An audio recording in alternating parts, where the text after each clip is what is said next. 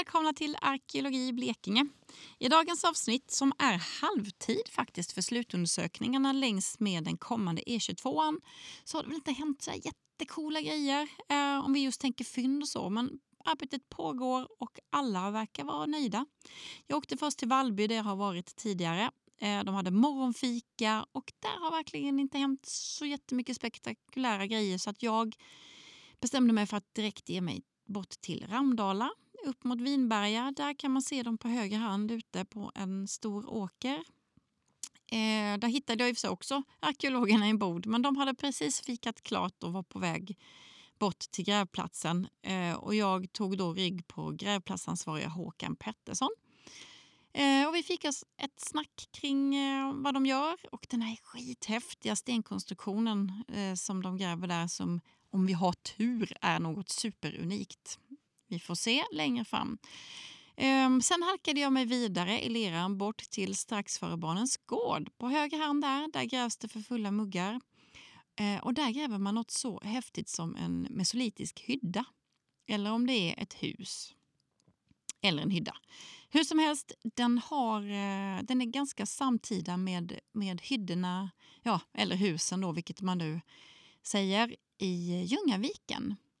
Ehm, mycket, mycket spännande. Och det här avsnittet det görs eh, också i samarbete med och med bidrag från Blekinge museum som jag eh, jobbar ganska tätt ihop med. Tack så mycket säger jag till dem. Det jag vill varna för lite så här, det är ju fullt ös på de här grävningarna. Det är mycket folk och det är maskiner som håller på så att det kan vara lite, lite mycket kringljud kanske och så. Och sen vet alla människor som äger ett par gummistövlar och eh, kombinera de här med spöregn och lervälling. Det kan gärna bli lite spontant, lite flamsigt, lite barnsligt. Eh, men det var en härlig dag ute i alla fall i eh, grävschakten idag. Så eh, ja, nu kör vi helt enkelt. Eh, välkomna till Arkeologi Blekinge. Jag ska kolla om jag har brallor med mig. Jag tror fasen inte Alltså jacka har jag jag lämnade byxorna här. Det regnade ju inte när jag åkte. Det skulle inte regna. Det hade kommit 80 millimeter i Karlshamn. Oj. Men gud, du. Jag får bara sätta på den här så kan jag bara snacka med henne när vi ändå är på väg dit. Ja, du ska väl prata? Det är du som chef va? Ja, de påstår det i alla fall. de brukar tala om för mig vad jag ska göra. Ah. Jaha, vad heter du då? Jag heter Håkan Petersson. Och är? Arkeolog. Kommer från Sydsvensk arkeologi. Var, är det Lund? Ja, det är Malmö och Kristianstad som har Aha. slått ihop. Okej. Okay. Ja, du basar för den här? Ja, basar för den här grävningen, ja. ja. Vad, vad är detta för något? Ja, det är från början en eh, stenåldersboplats från bondestenåldern, då, det vi kallar för neolitikum. Mm. Ny sten står neolitikum för. Så det, men det är bondestenålder i alla fall. Och eh, det är två delar vi kommer se. Den ena är mer en vanlig boplatsdel som vi håller på att öppna upp, som inte är öppet ännu. Ja. Och sen har vi det här väldigt mystiska stensamlingen som vi kallar för monumentet. Ja, alltså jag har ju längtat efter den här dagen. Ja. jag har förstått att det är något speciellt. Ja, alltså är det från bondestenåldern och är det det vi tror det är så är det en grav från den tiden. Man byggde alltså en jättelång räcka med sten egentligen. Man lägger upp som en slags långt, långt stenröse. Ja. Och så bygger man en stor träkammare i det när man begraver någon.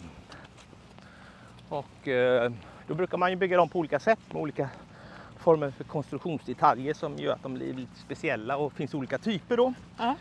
Och det intressanta med den här är att eh, den liknar liksom en typ som är polsk typ från ursprungligen. Ja. Jag vet inte om det använt lite så. Kanske bättre att sätta den där ja.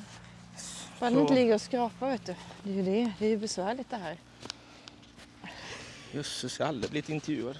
Men, kan vi inte göra så här istället? För du är en varm man. Tror, ja, tack ska du ha. Ja. Detta kommer Oj. inte med hoppas jag. Hon håller just nu på att klä av mig om ni undrar. Men om vi gör så här, för då tror jag att du sitter den liksom på ett bra sätt i förhållande Ja. till munnen. Okej. Jo, och eh, det skulle i så fall vara den första som hittats i Sverige. De hittas normalt sett som sagt var i Polen som ursprungslandet då. Ja, ja. Och sen så hittas de i, Nordtyskland framförallt. Men vi är inte långt ifrån Polen Nej. egentligen. Och det är det som är det intressanta då. Så har då kulturen spridits från Polen direkt hit eller har det gjort som man traditionellt anser att lantbruket har kommit via Nordtyskland, Danmark och upp? Ja. Det vet vi egentligen inte. Nej. Men eh, framförallt så är är det ju väldigt intressant att vi har en anläggningstyp som inte finns tidigare i den här delen i Blekinge. Ja. Eh, Samtidigt så senare typer av gravar som kommer efter, efter den här från också stenåldern finns det ju gott om i Skåne och Falköpingsområdet. Megaliter som vi kallar det, alltså stora stenkammare då. Så det här är liksom en första typ, den tidigaste gravläggningen. Ja, och har du sagt vad, vilken tid är det i sådana fall? Ja, vi pratar om eh, 4000 till 3 500 före Kristus. Oj! Ja. Och den är då trapezoid, det är väldigt speciellt för de här, alltså att den är smalare i ena kortändan och bredare i andra. Så den en, blir inte som en rektangel utan den blir lite spetsig men ändå inte helt spetsig. Så. Men gud! Ja. Ja, det här har ju inte bara hänt av sig själv. Nej, och så fyller man dem, bygger man en stor stenkrets runt med större sten och så fyller man dem gärna med olika former för stenar i då som vi håller på att rensa fram. Då. Vad som gör denna väldigt speciell är att vi har sten som går på tvärs också. Så. Och det Ja, har vi egentligen aldrig sett förut. Alltså som går... Ja, just det, som gick lägre Ja, som nästan ligger under eller om det är botten. Det kan vara samma botten som den, det vet vi ju inte. Men, eh, och det har vi aldrig sett förut så vi vet inte vad det är riktigt. Och därför så kan vi inte vara 100% säkra på att det är en grav från bondestenåldern heller. Det kan ju vara någonting nyare från järnålder eller medeltid eftersom vi inte har några fynd eller dateringar ännu. Utan vi Nej. bara har formen att gå på. Ni har inte hittat någonting eller? Nej, inte ännu. Men det brukar man inte göra förrän man går ner i dem så att det är inte så konstigt. Får man gå fram och Ja, du får kika? Flafsa runt här hur mycket du vill. Ja, hur är det att jobba i det här vädret? Det känns... Ja, det är ju bättre än när det är sol naturligtvis. Det är så Slipper man slinta runt på leran i alla fall. Hej! Wow! Så ser du all den här småstenen då. Den är ju helt klart lagd ner så Ja. innanför de här stora stenarna som är i kanterna. Alltså kan, kan du beskriva det här framför oss nu så att folk som lyssnar fattar? Ja, hur ska jag förklara detta? Det är alltså en rektangulär st- stor stenhög som är smalnar av i ena ändan så den är inte helt rektangulär. Det kallas Den, för, ja, den går ända bort dit? ja. Alltså det är 10, Nej, 14 meter är det. 14. Wow! Så den är 14 meter lång och så är den väl en 6, 6 meter bred ungefär. Ja, ja. är det bredaste här då.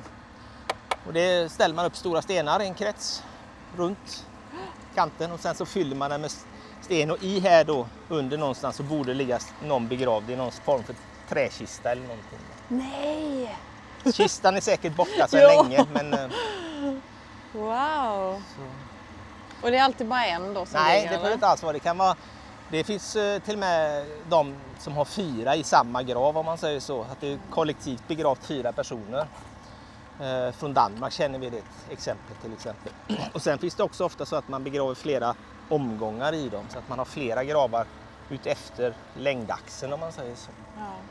Och sen har det, finns det också de där man har först byggt en sån här liten som vi har här och begravt en och sen har man byggt på gjort en ännu längre och gjort ytterligare en.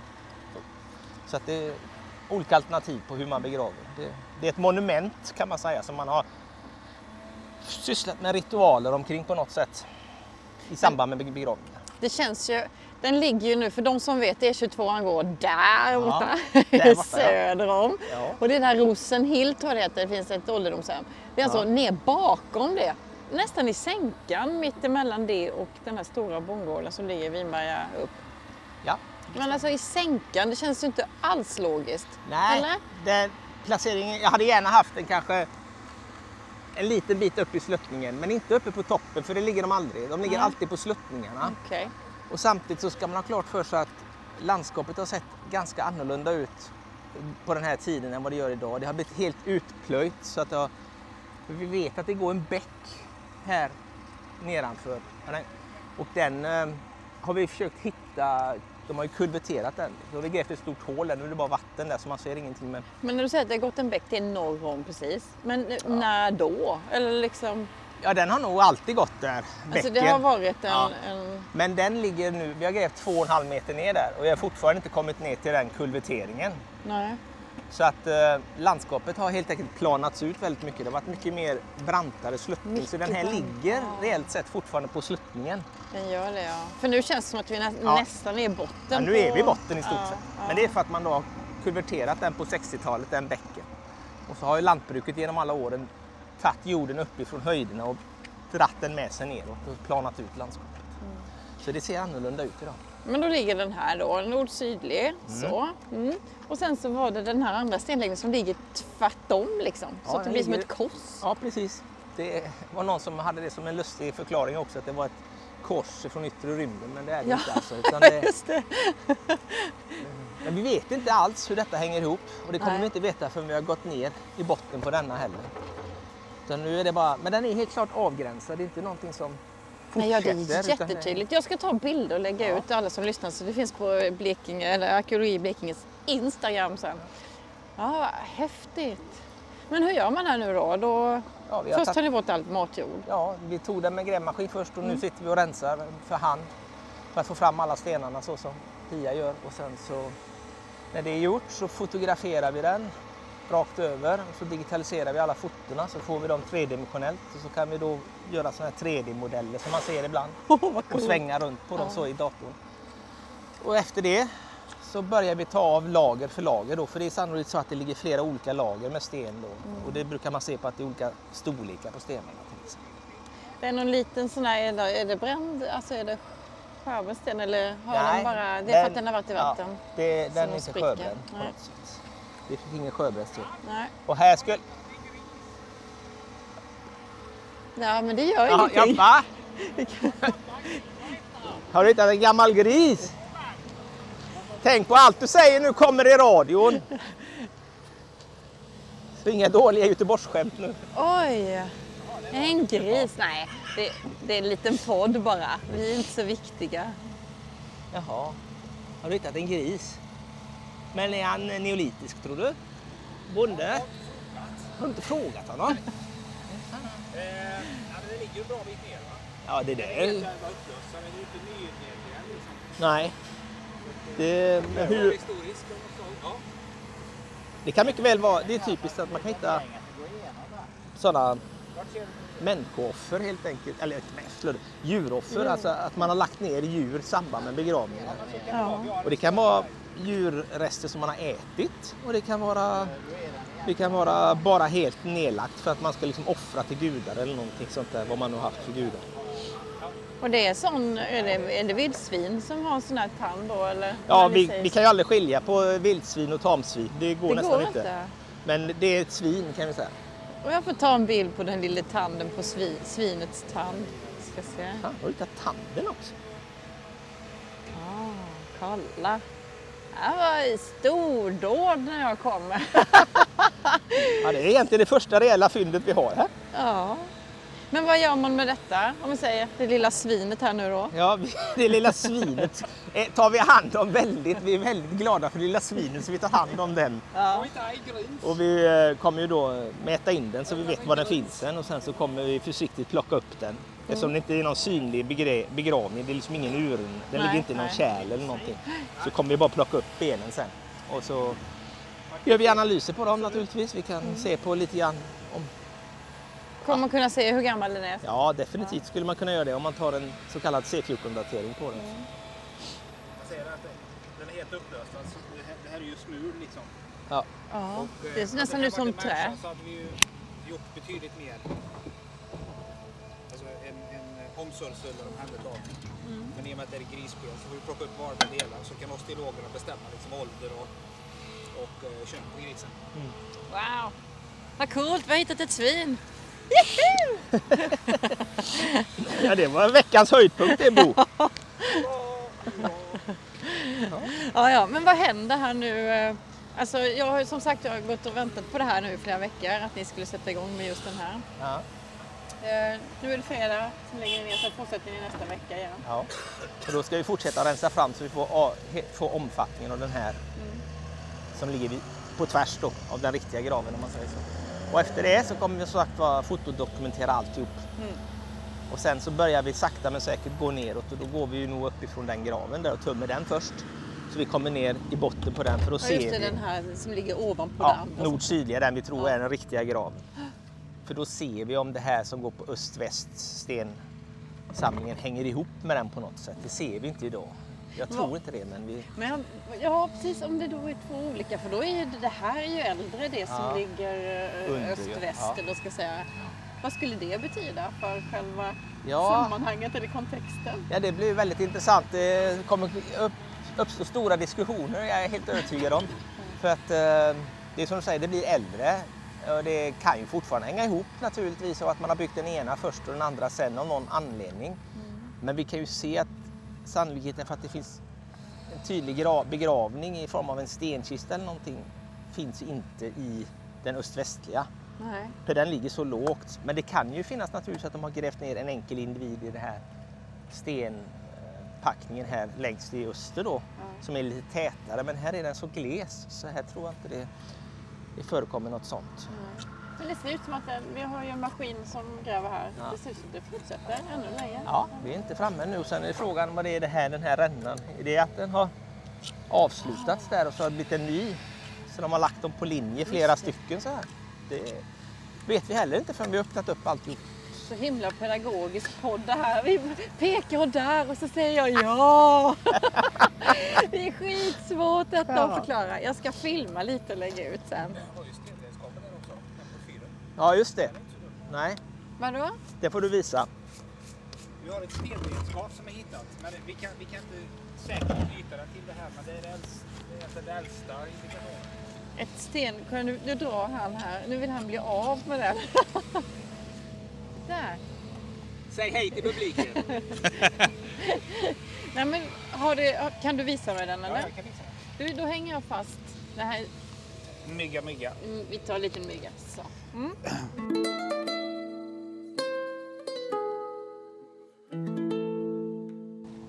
Ja, ett av de äldsta fynden vi har här, det är en bit slagen porfyr. Det ser inte så mycket ut för världen kanske, men eh, det här är det lokala råmaterialet egentligen på den här delen utav kusten, liksom upp mot Kalmar och en bit norrut. Mm.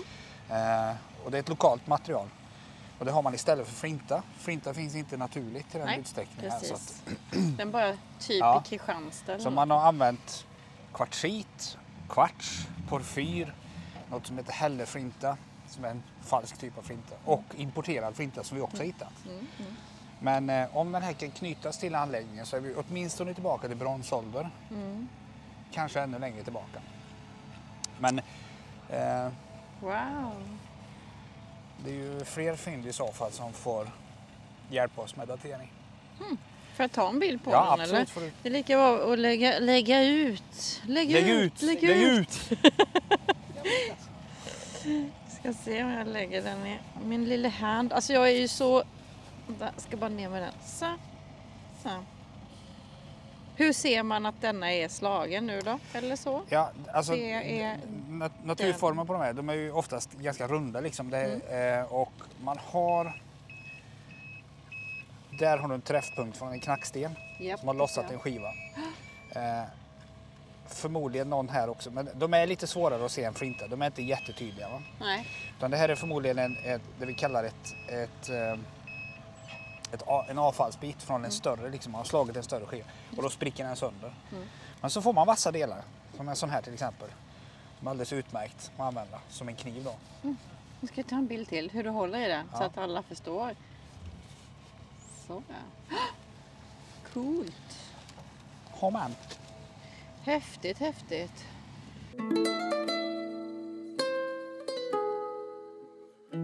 Ja, jag vet inte. Och det är detta som finns här. Har, finns det någonting annat? Ni har ju Där uppe, alltså, ja det finns ju, alltså, du ser, vi kan gå upp och titta men det är inte mycket att orda om.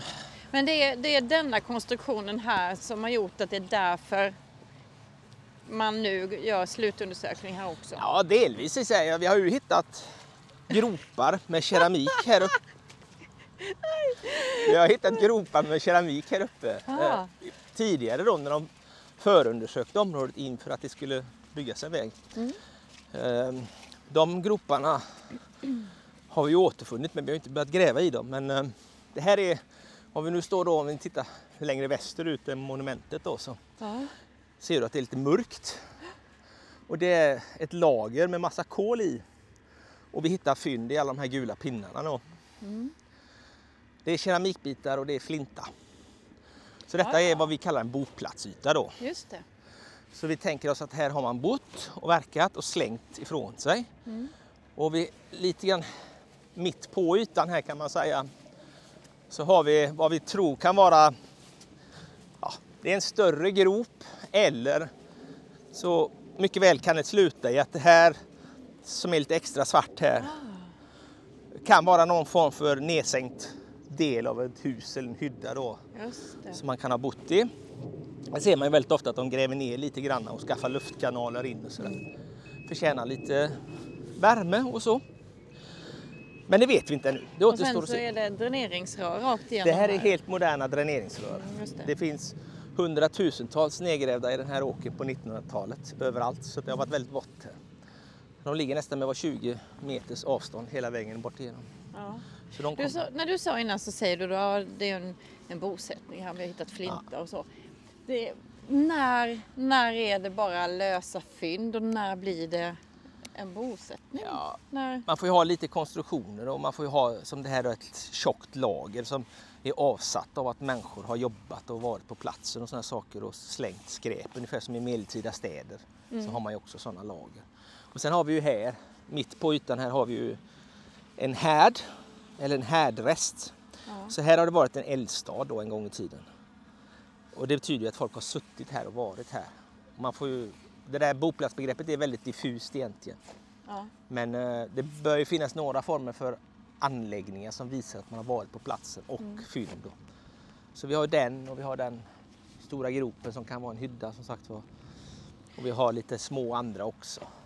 Och om nu det är det vi tror där borta, men den ligger mycket, mycket längre ner. Ja, då är det detta senare då? Nej, det är nog samtida faktiskt. För att det, är, det känns som det ligger mycket längre ner. Men om du tittar rakt norrut här så ser du hur vi har gått ner. Ja. Och den ytan där nere, det är samma yta som vi står här uppe på. Oh, det Så- är väldigt... Nu då fattar jag hur mycket det har ändå Ja, gått ner. Hur landskapet har varit mycket brantare sluttning mycket förut. brantare. Det är bönderna här nu under årens alla lopp också som har Precis. dragit runt och Ja. slätat ut. Så, ehm, och det fortsätter ändå. Så vi har den lilla biten där det är lite gulare i botten. Ja. Och så ser du att det går upp mörkt igen. Det är för att vi har sparat detta laget. Men den, det gula är den ursprungliga alven om man säger så. Den ursprungliga bottenytan om man säger så. Och den kommer fortsätta rätt ner. Vi kan gå ner till djupa hålet och se om vi, vad vi kan se. Men Ja, man, man tränar benen här. Man blir som en liten lerklump. ja, man brukar väga ett par kilo extra på varje fot när det regnar. Ja, nu har den slammat igen en hel del då. Men eh, Ja. Där nere, längst ner i botten. Mm. Ehm, och då är vi ju omkring 1,70 1,80 från dagens markyta ner. Där eh, hittade vi det här gula lagret som vi hittade där. Mm. Så det har också sluttat i vad blir det? Öst, väst, väst-östlig riktning.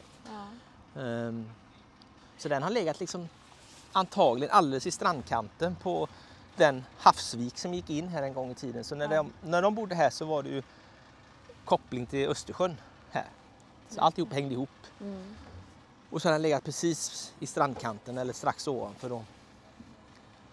Gud vad vackert och sen ändå lite skyddad här mellan Ja, det har ö. varit Det var väl en ö då ja, nästan bakom ö hade, nog, har det säkert varit ja. Och där Ja. har du säkert haft fastland. fastland. Ja. Så har det varit ett sund in här som har slutat här uppe någonstans. Så att det har varit en havsvik in. Ja, just det. Där har så man då bott. har graven varit liksom på en ö. Ja, det har kan den man säkert tänka varit. sig att de har bott där uppe på gården och haft och sen har de tittat. Här, Det eller? kan man väl tänka sig. Man kan också tänka sig att de har bott här Ja, på ön. Ja, Men, det kanske eh, var bra i och för sig mot rovdjur. Ja.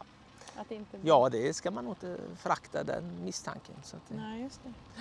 Ja, men fantastiskt spännande. Men eh, då kan vi säga så här, vecka ett har gett ännu mer frågor Ja. En större konstruktion. Mer komplext än vad vi trodde. Just det. Så nästa fredag eller så så kommer jag igen och Ja, då, då vet vi mycket, mycket mer. Ja, vi vet mer i alla fall. Ja.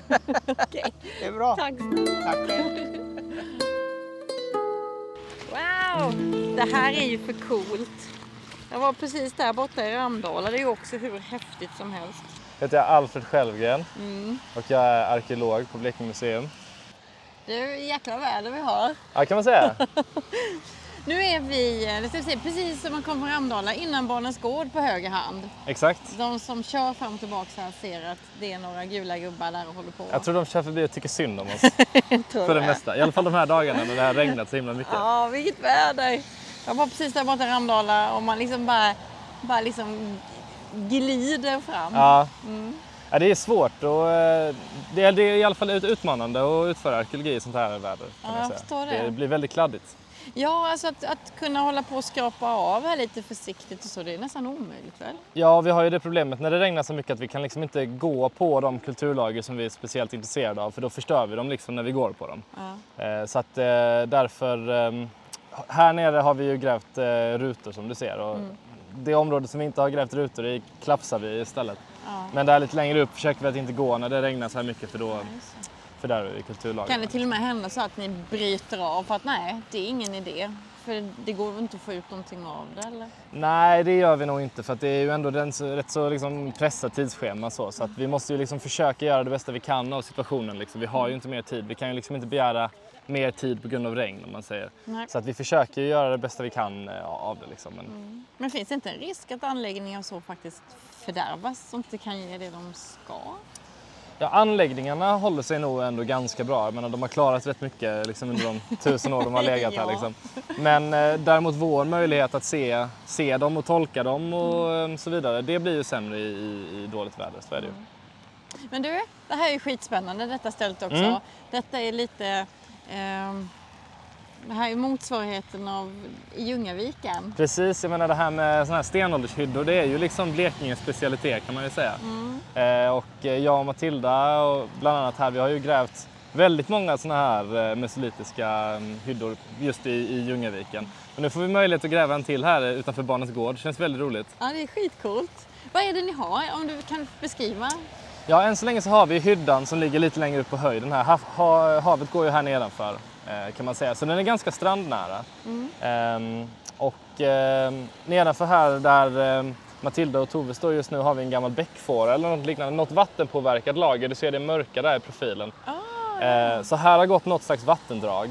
Och vi har liksom tramplager eller kulturlager egentligen hela vägen mellan hyddan ner till det här vattenområdet på något sätt. Så, så en hydda, ett, något slags vattendrag och en havsvik kan man säga i, eh, i landskapsbilden här. Vad coolt. Det är lite likt Ramdala där också. Nu hade de ju ingen hydda där men Nej. de hade ändå lite, lite olika fynd som säger att det är en eh, boplats. Så där går också någon, någon vattendrag Mm. nära. Ja, Det är inte alls ovanligt att man söker sig till eh, närheten till vatten. Det har ju alltid varit viktigt liksom, för människor. Så. Eh, så det är inte, inte speciellt ovanligt att man hittar dem i närheten av nå- något slags vatten i alla fall. Om du nu, nu förstår nu har jag inte hållit på så länge. Nej, Shit vad det regnar nu alltså. Ja. Alla ska bara veta det. det regnar väldigt mycket nu. Men vad fasen. Ja, ja, ja. Vi är radiofolk, vi vet hur det är. vi har bra kläder. Eh, det ni har kommit fram till än så länge med den här eh, huset, vad säger man? Man säger Ja, det är en intressant fråga. Säger man hus eller hydda?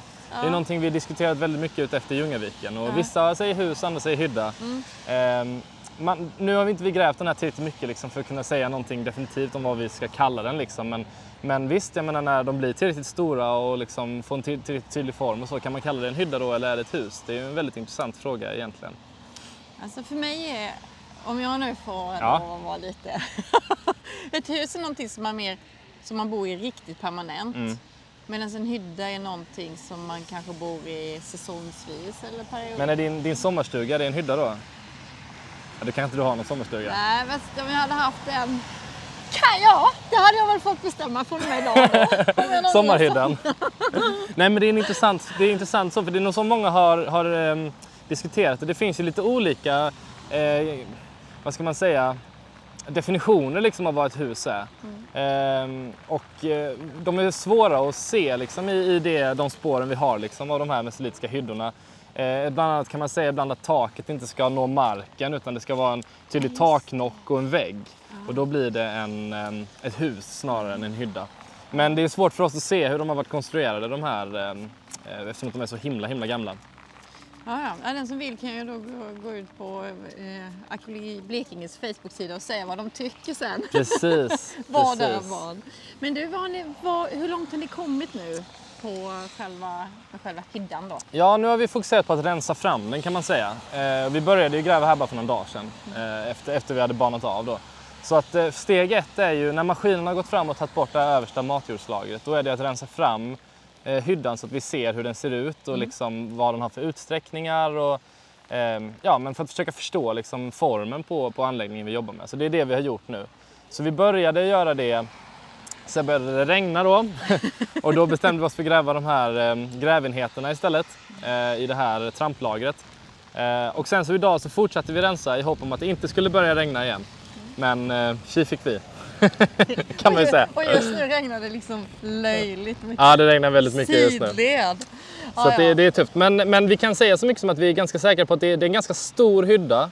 Och den är oval. Ofta har man väl kanske tidigare tänkt att de är ganska runda, men den här är oval. Och det är ju någonting vi såg i Ljungaviken också. Att de är ofta, vissa var ju till och med fyrkantiga där om man säger. Men att de är, ganska, de är mycket större än vad vi tidigare trott. De är, ja men den här är då oval. ehm, Och den är ungefär 8 meter lång, så att det är en ganska stor hydda. där uppe. Jag kommer lägga ut en bild på den sen. Precis. Och så går den ner. ner. Och sen så längst ner där vid vägen så har det störts upp lite för att eh, när de byggde den busshållplatsen där nere så har de kastat upp jord och rört runt lite så att vi har inte riktigt, vi förstår inte riktigt hur det ser ut längst ner där i diket. Men, eh, men ungefär 8 meter lång kan vi säga och 4 meter bred så är det inte vara i det här läget. Och det är ju ganska stort. ganska stort ju. Eller det är stort. Det är stort. Vad sa du? Åtta gånger? Fyra. Alltså det lilla, den lilla stugan jag köpte var ju fem och en halv gånger åtta. Ja, Så att det är ju nästan som mitt hus. exakt. Din, din hydda menar du? Just det, kan jag säga, nu rinner det ner Ja. på baksidan av mina ben. Jag har inga regnbyxor på Nej, du är inte riktigt lika bra klädd här för, eh, för det här. Ja, men det är så här att jag, jag myser in i min bil, Ja. åker hem och klipper detta och Ja. lägger ut. Så kommer jag tillbaka nästa vecka och då Ja. är det skitfint väder. Ja, men det är bra. vet mycket, mycket mer och då Ja. vet vi om det är ett hus eller en hydda. Ja, ja, men det låter bra. Ja. Vi hoppas på hus. Ja. Hej!